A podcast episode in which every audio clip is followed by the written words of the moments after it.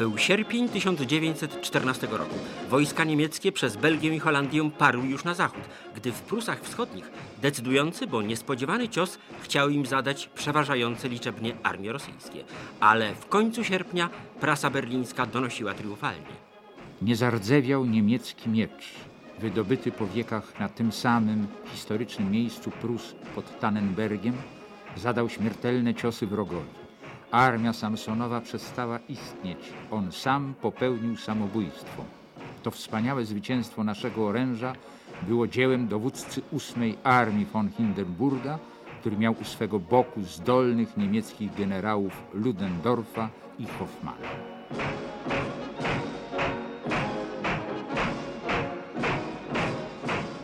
Tak wchodził do historii Erich Ludendorff, przedstawiany dziś w naszej galerii postaci XX wieku. Ale wojenna epopeja generała z lat 1914-18 miała zamienić się w farsę w 1923 w Monachium. Kordon policji zagradzał wylot ulicy, ale pochód par naprzód. Wołano nie strzelać, to idą Ludendorff i Hitler. Ale padła salwa. Hitler upadł, albo go przewrócono. Zamieszanie, na bruku zabici i ranni. Tylko jeden człowiek nie stracił głowy. Generał Ludendorff. Wyprostowany, niewzruszony, spokojnie kroczył naprzód. Minął policyjny kordon i wyszedł na plac.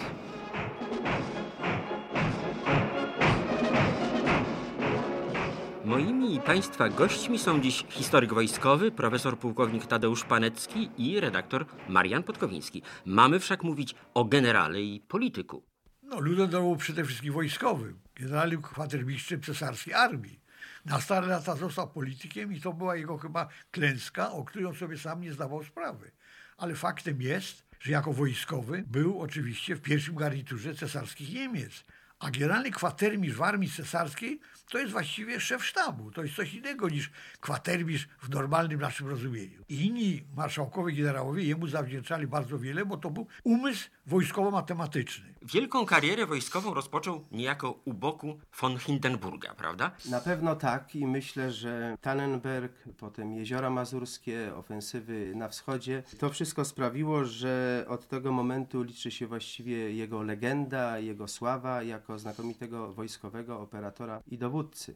Ale zanim do tego doszło, zanim historia usłyszała o Tannenbergu, myślę, że warto powiedzieć o jego drodze wojskowej. Otóż Ludendorff w wieku zaledwie 12 lat Wstąpił do szkoły kadetów, następnie studiował w Akademii Wojskowej w Lichterfelde. W 885 roku, a więc mając zaledwie 20 lat, był już podporucznikiem. Pełnił następnie służbę w elitarnych jednostkach armii pruskiej, początkowo w głębi Niemiec, potem w Poznańskiem, tam gdzie pod Poznaniem się urodził, więc była to jego ziemia rodzinna. Skończył Akademię Wojenną w 93 roku, tę akademię, którą założył Scharnhorst, następnie rozbudował Moltke.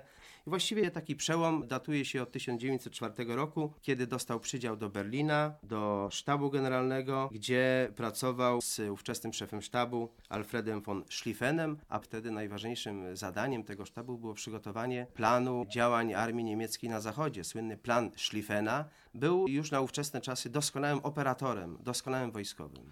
W 1914 roku Hindenburg był już na emeryturze. Został powołany pod broń po pierwszych klęskach w Prusach Wschodnich. A Ludendorff? W momencie rozpoczęcia I wojny światowej został generałem majorem, objął stanowisko dowódcy brygady piechoty. Następnie w sierpniu został kwatermistrzem drugiej armii, z tym, że przywołuje znowu słowa wypowiedziane przez pana Podkowińskiego. Kwatermistrz to właściwie w naszym rozumieniu dzisiejszym szef sztabu, generała Bilowa. Możemy przytoczyć taki epizod, który wpisał się bardzo wyraziście w jego karierę wojskową, mianowicie podczas ataku pruskiego na Liège, słynną twierdzę belgijską. On objął dowództwo jednej z brygad piechoty, której to dowódca zginął podczas natarcia i właściwie osobistym przykładem, jak dowódca plutonu czy kompanii poprowadził brygadę do natarcia. W rezultacie fort, twierdza zostały zdobyte i to był taki przyczynek do jego znakomitej kariery wojskowej. Z tym, że zaczynał właśnie na froncie Na froncie zachodnim. Tak? Dopiero w końcu sierpnia 1914 roku został mianowany szefem sztabu 8 Armii, która stacjonowała i walczyła w Prusach Wschodnich. To były te słynne niemieckie ofensywy i działania przeciwko dwóm armiom rosyjskim. Pierwszej armii Rennekampfa i drugiej Samsonowa ze słynnym zwycięstwem pruskim pod Tannenbergiem, w rezultacie którego właściwie druga armia Samsonowa została rozbita w całości, przestała istnieć. Ponad 40 tysięcy zabitych Rosjan, 150 tysięcy wziętych do niewoli, a więc całkowita klęska rosyjska na froncie wschodnim, w tym północnej części frontu I wschodniego. samobójstwo dowódcy. Tak. Ale ojcem tego zwycięstwa pod Tannenbergiem, okrzykniętego wręcz rewanżem za Grunwald, był jednak Hindenburg. Tak, muszę powiedzieć, że wolno mi się tutaj wtrącić na chwilę, że to była tragedia Ludendorfa, która pozostała do końca jego dni, że on, który przygotowywał wszystkie możliwe ofensywy, to sława na Mazurnsee, jak to się mówiła, przeszła na Hindenburga. Że Hindenburg profitował w 100% na tym zwycięstwie, chociaż nie on był ten, który ułożył i który przewidział i który potrafił zrealizować dawno założony plan. I on nigdy nie wybaczył, zwłaszcza Hindenburgowi, że on mu zabrał laury zwycięstwa, na które on zasłużył. Bo młodsi oficerowie doskonale wiedzieli, jak to wyglądało. Hindenburg był niedźwiedziem, jak to się mówiło. Podczas gdy to był bardzo lotny umysł, prawda? Tak, e, tą operację mazurską porównuje się nawet do bitwy kaneńskiej, prawda? Że to było oskrzydlenie mniejszymi siłami. Porównuje się i słusznie, dlatego że główne zasadnicze działanie zostało przeprowadzone zgodnie z tymi regułami kaneńskiego okrążenia, a więc z dwóch skrzydeł. W rezultacie tych działań siły rosyjskie zostały zniszczone, ale myślę, że warto jeszcze przypomnieć, że początek tego duetu Hindenburg-Ludendorff datuje się od końca sierpnia roku 14, kiedy to Hindenburg został dowódcą sił niemieckich na wschodzie, Oberostu, czyli naczelnym dowódcą wojsk pruskich na froncie wschodnim, a właśnie Ludendorff został jego szefem sztabu. I cała sława i splendor spływał przede wszystkim, jak to zawsze bywa, na naczelnego dowódcę, natomiast tym, który wypracował podstawowe elementy decyzji do działań, był znakomity sztabowiec właśnie Ludendorff. Również w czasie całej kampanii roku 1915, gdzie mamy do czynienia z zasadniczymi rozbieżnościami, jakie wystąpiły wówczas między właśnie Ludendorffem a generałem Falkenhainem, który był szefem sztabu generalnego. Mianowicie Ludendorff był zwolennikiem jak najszybszego rozprawienia się z armią rosyjską na wschodzie, aby potem wszystkie siły pruskie skoncentrować na zachodzie. W związku z tym domagał się wzmocnienia sił, aby wykonać główne uderzenie z rejonu Kowna na Mołodeczno i na główne rosyjskie linie zaopatrzenia na Litwie i w północnej kongresówce. Falkenhayn uważał, że te działania główne należy przeprowadzić na środkowym odcinku frontu w rejonie Łomży i Ostrołęki i stamtąd pójść na spotkanie armii niemieckich i austriackich operujących w Galicji Środkowej i na Lubelszczyźnie.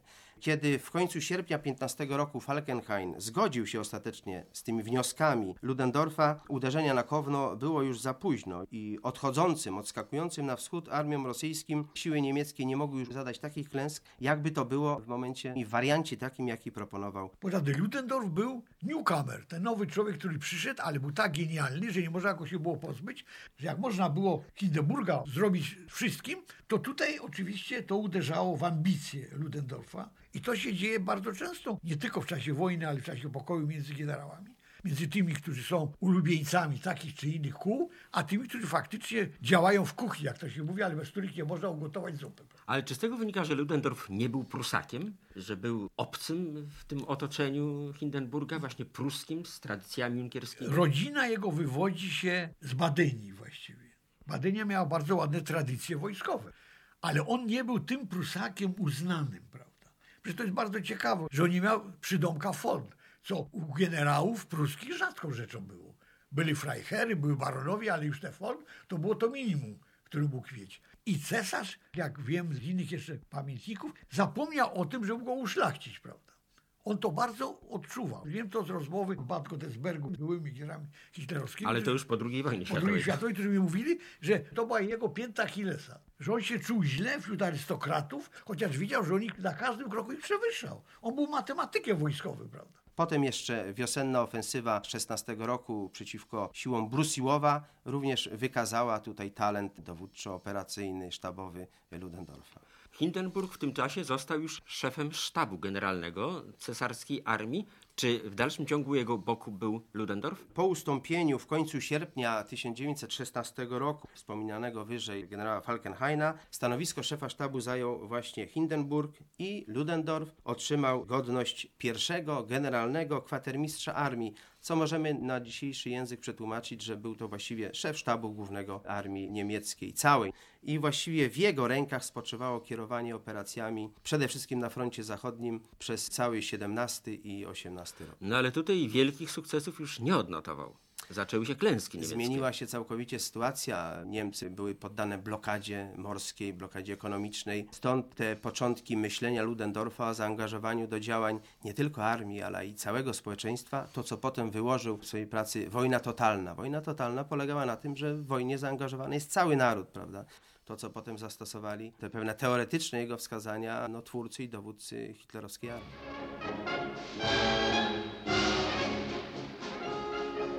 Przedłużające się działania wojenne i coraz większe straty spowodowały wzrost totalitaryzmu w polityce wewnętrznej obu stron. Pisze historyk angielski Paul Johnson. Kanclerz Niemiec Bettmann Hollweg zmuszony został do zaakceptowania żądania nieograniczonych funduszy na budowę łodzi podwodnych i był to kres rządów cywilnych w cesarstwie. W lipcu 17 roku kanclerz stracił już całkowicie władzę, zostawiając u steru państwa, choć nieoficjalnie, generała Ludendorfa i admiralicję. Jego telefon był na podsłuchu, gdyż obowiązywało tak zwane prawodawstwo stanu oblężenia. Na mocy tego prawa Ludendorff zapędził do roboty do Niemiec 400 tysięcy Belgów, wyprzedzając tym samym radzieckie i nazistowskie koncepcje pracy przymusowej. Przez ostatnie 18 miesięcy wojny dowództwo niemieckie gorliwie praktykowało system nazywany otwarcie socjalizmem wojennym, desperacko próbując osiągnąć zwycięstwo za cenę każdego wysiłku.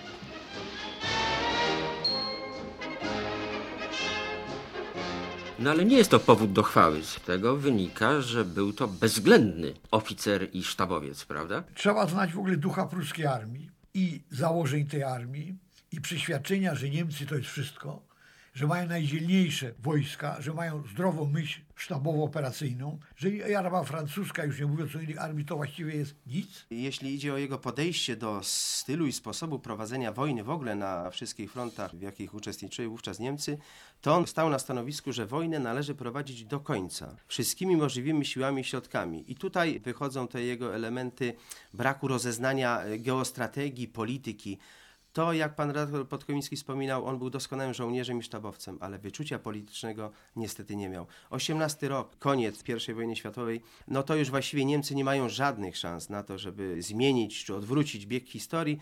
On stał na stanowisku, że te działania należy nadal prowadzić do osiągnięcia, właściwie trudno powiedzieć, jakiego rezultatu. I kiedy te jego poglądy i pomysły, bardziej polityczne, mniej wojskowe, nie zyskały aprobaty, podał się 26 października roku 18 do dymisji. Opuścił Spa, miejscowość Belgii, w której znajdował się sztab generalny niemiecki. Wyjechał do Berlina. Wszyscy wiemy wtedy, jaka była sytuacja jesienią roku 18 w Berlinie, to początek rewolucji i właściwie przed tą rewolucją schronił się, wręcz wyjechał Początkowo zamierzał wyjechać do Finlandii, pomagał mu w tym poseł fiński w Berlinie. W rezultacie przez Kopenhagę dotarł do Szwecji. I tam od końca listopada 1918 roku do lutego 1919 roku pisał swoje pamiętniki wojenne. Bardzo I... ciekawe to pamiętniki. A jakie były jego poglądy na temat przyczyn, źródeł klęski niemieckiej? A to jest bardzo ciekawy problem. Mianowicie, kiedy skoncentrował się wyłącznie na pisaniu pamiętników, ale i prac, tych, o których mówiłem wcześniej, wojna totalna i inne, doszedł do przekonania następującego, że, jak to sam określał, wolnomularstwo i Żydzi to była przyczyna klęski Niemiec w 1918 roku. Myślę, że ten element podchwycili potem przedstawiciele nowej ideologii niemieckiej, którą reprezentował Hitler, nazizm i faszyzm i y, wykorzystywali to i w obiegowej opinii utarło się takie stwierdzenie, czy takie przekonanie, że właśnie Ludendorff dał tej ideologii pewien prapoczątek, czy pewne hasło do tych twierdzeń, ale myślę, że to jest uproszczenie i to jest bardzo proste rozumowanie. parasol po prostu. Ja myślę, że w ten sposób, ale nie można określać go jako protoplastę faszyzmu czy nazizmu. No ale jednak to oskarżenie Żydów i wolnomularstwa wskazywałoby na tego typu sposób myślenia. Tak by wskazywało, ale myślę, że wyciąganie z tego jakichś takich strategicznych wniosków byłoby chyba krzywdzące dla tego starego generała. No, taki miał pogląd, prawda? Ale w każdym razie zaczynam rozumieć, skąd Owo dość niespodziewane spotkanie i wręcz przymierze w swoim czasie właśnie Hitlera, który w Monachium zaczynał zdobywać coraz większą, chociaż złą sławę, i owego zasłużonego generała. To się datuje od puczu Kappa już to może. No właśnie, bo tu jest, zaczyna się nowy etap jego działalności. Szukał jakiegoś wyjścia ze swojej dość dziwnej sytuacji. Wrócił z emigracji, wojna mu się nie udała, dookoła nie widział swoich dawnych przyjaciół, a jednocześnie rodził się pewien ruch początkowej fazie, gdzie było bardzo wiele byłych żołnierzy, Soldatenbundy, Freikorpsy, który był jemu bliski w pewnym sensie, bo pamiętajmy, co się działo między 18 a 20 rokiem w Niemczech, prawda? I z drugiej strony ci młodzi oficerowie, którzy wrócili z frontu i szukali jakiegoś patrona, to nie byli wcale hitlerowcy, Freikorpsy w tamtym okresie, to byli nacjonaliści wojskowi. Ale oni w Lidendorfie upatrywali jedynego żyjącego wysokiego generała, który jakoś im był bliski, prawda? I tutaj następują te pewne związki. I Hitler, który był przebiegłym politykiem, nagle zobaczył, że on ma bardzo ładny ruch, ale nie ma żadnego generała, nie ma żadnego patrona. I tu zbiegły się, jak gdyby powiedzieć, dwa końce jednej polityki. Ludendorff szukał jakiegoś wyjścia z swojej sytuacji, a Hitler chciał mieć koniecznie takiego człowieka jak Ludendorff, który był w wojsku ubóstwianym.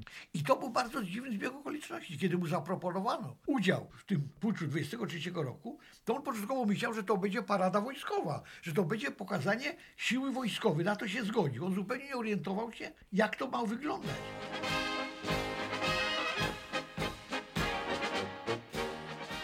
Z książki Allana Bullocka Studium tyranii. Na wiecu 8 listopada zebrały się wszystkie znane osobistości Monachium. Hitler usiadł w cieniu i nie budził niczyjej uwagi.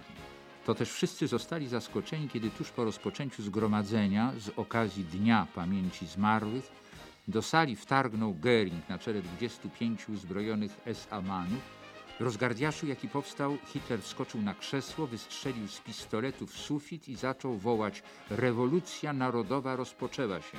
Rządy Bawarii i Rzeszy zostały usunięte. Wojsko i policja wyszły na ulicę pod sztandarami ze swastyką. Nikt nie był pewny, do jakiego stopnia Hitler blefuje. A tymczasem Scheubner Richter, siedząc przy kierownicy, pędził ku Ludwigshohe po generała Ludendorffa, którego przyszły Führer upatrzył sobie na marionetkę swojej rewolucji. A Hitler grzmiał do coraz bardziej zaskoczonych słuchaczy. Proponuję, ażeby mnie poruczyć kierowanie polityką rządu narodowego. Ludendorff obejmie naczelne dowództwo nad niemiecką armią. Gdy przywieziono wreszcie generała i zorientował się on, o co tu chodzi, był wściekły za sprawioną mu niespodziankę. Również za to, że to nie on, Ludendorff, lecz Hitler porozdzielał urzędy, zostawiając generałowi tylko nieistniejącą armię. Panował jednak nad sobą. Jest to wydarzenie o wielkiej wadze narodowej, powiedział. A Hitler dodał zaraz: Nie możemy już zawrócić z drogi. Nasz czyn został zapisany na kartach historii.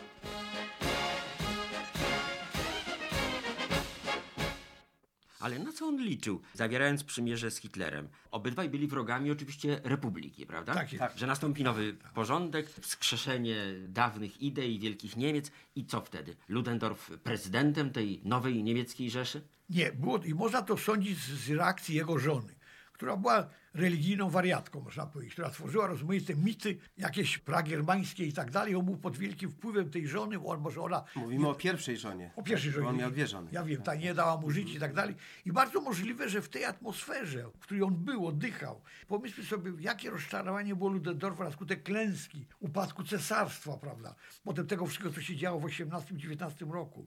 Potem te wszystkie komunistyczne rewolucje i tak dalej. A poza tym odciął się w plecy, prawda, w 18 roku. Tak jest. To także, też bardzo istotne. Tak, Dolsztos, prawda? Tak, przed, po- przed czym się Piotr chronił Plecy, Szwecji. znaczy rewolucja, Rewolucja, prawda? oczywiście. Tak, oczywiście. Także dlatego arcyżołnierza o dużych namiętnościach politycznych, chociaż nieudolnych, to to wszystko musiało podziałać na niego w sposób piorunujący. I tutaj popełnił kilka głupstw. Przystąpił do tego marszu sławnego w przeświadczeniu, że to chodzi o odbudowę armii, no, o rehabilitacji armii, która nie była pokonana w polu, jak on mówił, prawda? Która pokonana była przez głód, pokonana była przez polityków. I tutaj hitlerowcy to bardzo ładnie wykorzystali.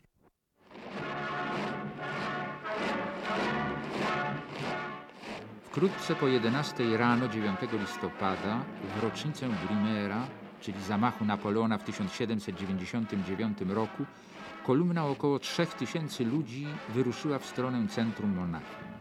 Kordon policji uzbrojonej w karabiny zagradzał wejście na Odeon Plac, gdzie znajdowało się dawne Ministerstwo Wojny. Bojówkarze mieli liczebną przewagę nad policją, ale wąska ulica nie pozwala im z niej skorzystać. Nigdy nie ustalono skąd padł pierwszy strzał.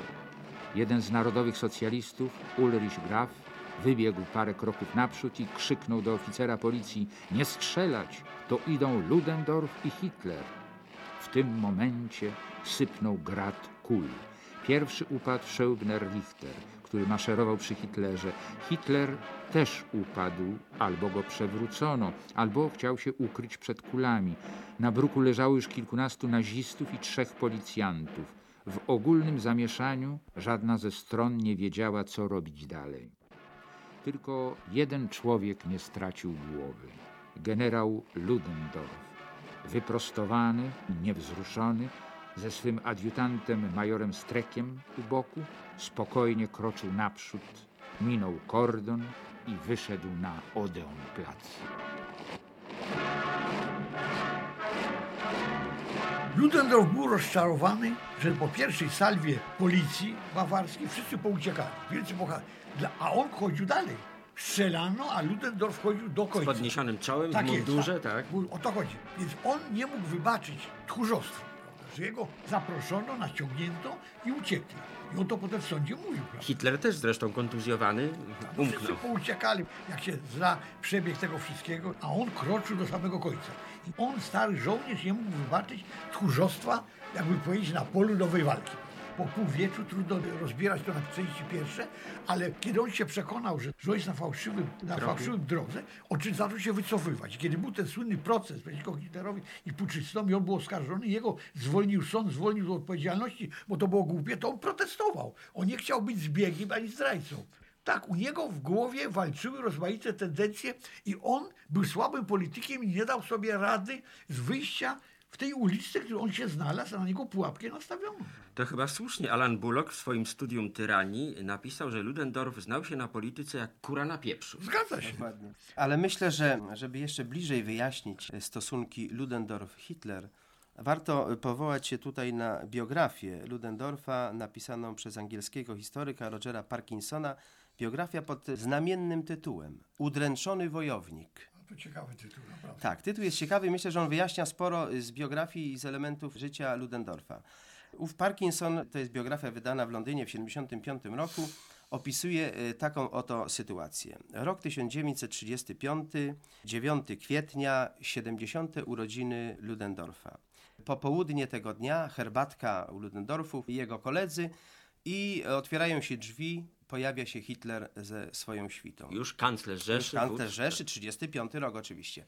Hitler przyjechał w następującym celu. Oczywiście, żeby złożyć gratulacje i najlepsze życzenia jubilatowi, ale również przyjechał z dokumentem, że Ludendorff zostanie mianowany feldmarszałkiem i przyjechał również z buławą marszałkowską. Tak oto oświadczył temu generałowi, że chciałby w dowód uznania jego zasług, jego drogi i zasług dla Niemiec uhonorować go buławą marszałkowską.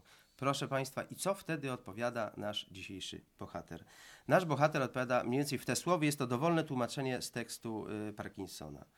Panie Hitler, mówi Ludendorff, oficer otrzymuje buławę marszałkowską na polu walki za zasługi wojenne, a nie na jakiejś tam herbatce z okazji urodzin w czasie pokoju. I skończył. Hitler zbladł, odwrócił się na pięcie i wraz ze świtą opuścił przyjęcie urodzinowe. Myślę, że te słowa Ludendorffa doskonale tłumaczą jego stosunek do Hitlera, do nazizmu i do tego, co potem działo się w Niemczech. Gdyby Ludendorff nie był tym, kim był, to by Hitler go powiesił za to. Na pewno. Tak, ale tu jeszcze trzeba wspomnieć, że o ile ich drogi w 1923 roku dość niespodziewanie się zeszły, o tyle już dwa lata później, w roku 25, dramatycznie się rozeszły, że właściwie Ludendorff odstąpił od Hitlera, od ruchu nazistowskiego i nie wiem, czy było to rozczarowanie, czy nareszcie przejrzał na oczy, kim jest, czy kim będzie Hitler? Nie, jest na to odpowiedź w rozmaitych pamiętnikach i dokumentach. I on sądził, że Hitler otwiera jakąś nową epokę. Pamiętajmy, że w tamtych czasach jeszcze Hitler nie mordował ludzi, nie, nie było obozów koncentracyjnych, jeszcze tego wszystkiego nie było. Był były żołnierz frontowy, który miał odwagę powiedzieć, a ja się nie zgadzam z tym, co się działo po Wersalu. I na to generał Ludendorff powiedział, tak, to, to jest mój człowiek. I zaczął powoli odbudowywać coś, co mu się wydało, że może Hitler będzie poręczą, po której on wejdzie na górę. A było odwrotnie. Akurat było- okazało się, że miał być człowiekiem Hitlera, tak? jest, tak. Jakie były jego dalsze losy? To znaczy, po rozstaniu się z przyszłym Führerem w 25 roku oddał się, zdaje się, już tylko Oddał się studiom pisaniu, wojskowym, pisaniu oddał się studiom wojskowym, wtedy rzeczywiście sporo napisał. Bardzo dużo w tym pisaniu i w tym ostatnim okresie jego życia pomogła mu druga żona, pani doktor Matylda von Chemnitz. W 26 roku ożenił się po raz drugi właśnie z tą panią, która była nie tylko żoną, ale przede wszystkim literackim współpracownikiem Ludendorfa. Ona pomagała mu przygotowywać i była pierwszym recenzentem owych prac, bo odegrała tutaj bardzo istotną rolę. Mieszkał wraz z ową żoną y, pod Monachium i właściwie tam dopełnił swoich dni, kiedy to 20 grudnia 1937 roku zmarł. Jak można by scharakteryzować i uzasadnić, dlaczego mimo wszystko uważamy go za jedną z postaci, a może tylko cieni naszego wieku? Jakąś rolę odegrał jednak w No tym, co się działo. Mnie się wydaje, że na tle I wojny światowej, jeżeli chodzi o stronę niemiecką, była to postać bardzo znacząca. Nie można sobie wyobrazić jakąkolwiek akcję wojskową bez udziału Ludendorfa. Czyli był on alfą i omegą wszystkich tych operacji, które się działy. Ale do historii przeszły nazwiska Hindenburga, Schlieffena, Moltkego, mniej Ludendorfa. Dlatego, że to jest tragedia bardzo wielu sztabowców. prawda? Tak, tak, my mówiliśmy o tym. Tak. I on to w pewnym sensie odczuwał. Nie mamy dowodów na to, że on nie lubiał tych swoich konkurentów, ale wyczuwało się w jego pismach, w jego pamiętnikach, że albo on o nich nie wspominał, prawda? Udało, że ich nie było, albo krytykował w taki sposób, że nie na honorze ich dotykał, prawda? Bo to on był oficerem zawodowym, Tak ale pokazywał ich miałkość, małość, prawda? I tak dalej. A jaki miał stosunek do robiącego wielką karierę już w wieku wręcz starczym von Hindenburga, który był prezydentem Rzeszy, prawda, i tą wielką znowu nadzieją całej prawicy niemieckiej? On był za bardzo pruskim oficerem, żeby dawać publicznie wyraz swoim uczuciom. Ale z prywatnej korespondencji, z rozmaitych wspomnień generałów wiadomo, że o ile on nim nie pogardzał w pewnym sensie, to uważał, że miał szczęście. Tak, Czyli Że miał jakieś stosunki przyjazne, bliskie nie łączyły Nie. prezydenta Nie, no, Rzeszy z Ludendorfem. Myślę, że były to poprawne stosunki Tak między dawnym przełożonym a dawnym podwładnym, między znakomitym dowódcą a znakomitym szefem sztabu i myślę, że tak to można określić, ale ja chciałbym jeszcze rozszerzając tę próbę charakterystyki końcowej już naszego dzisiejszego bohatera, dodać jeszcze, że Ludendorff był jednym z najwybitniejszych umysłów wojskowych, jakie w ogóle wydały Niemcy w swojej historii, a więc nie tylko patrząc na to z perspektywy I wojny światowej i okresu międzywojennego, no nigdy nie był naczelnym dowódcą. W związku z tym te wszystkie splendory spływały jednak na tego głównego bohatera, prawda, czyli Hindenburga w tym wypadku. A może to było jego wielką zaletą, zważywszy na militaryzm niemiecki i to, co mogłoby się stać, gdyby Niemcy wygrały I wojnę światową. A to już jest element do dyskusji i kwestia, nie wiem, punktów odniesienia. Myślę, że można i taką tezę tu postawić i nad nią można by było też dyskutować. Czy ktoś jeszcze w Niemczech teraz pamięta Ludendorfa? Owszem, Ludendorff jest dalej popularny w kręgach wojskowych. To nie jest zapomniany oficer z pola bitwy. Ludendorff nie jest człowiekiem znienawidzonym, prawda? Albo człowiekiem, o którym się mówi pejoratywnie. Ja nie słyszałem takich odniesień. Są generałowie, do których był taki stosunek. Natomiast zgadzam się z profesorem, że to był wybitny oficer, który wiedział, czego chce. Stąd jego tak wielkie kampanie ofensywy. I trzeba powiedzieć, że los sztabowców jest taki, jaki jest.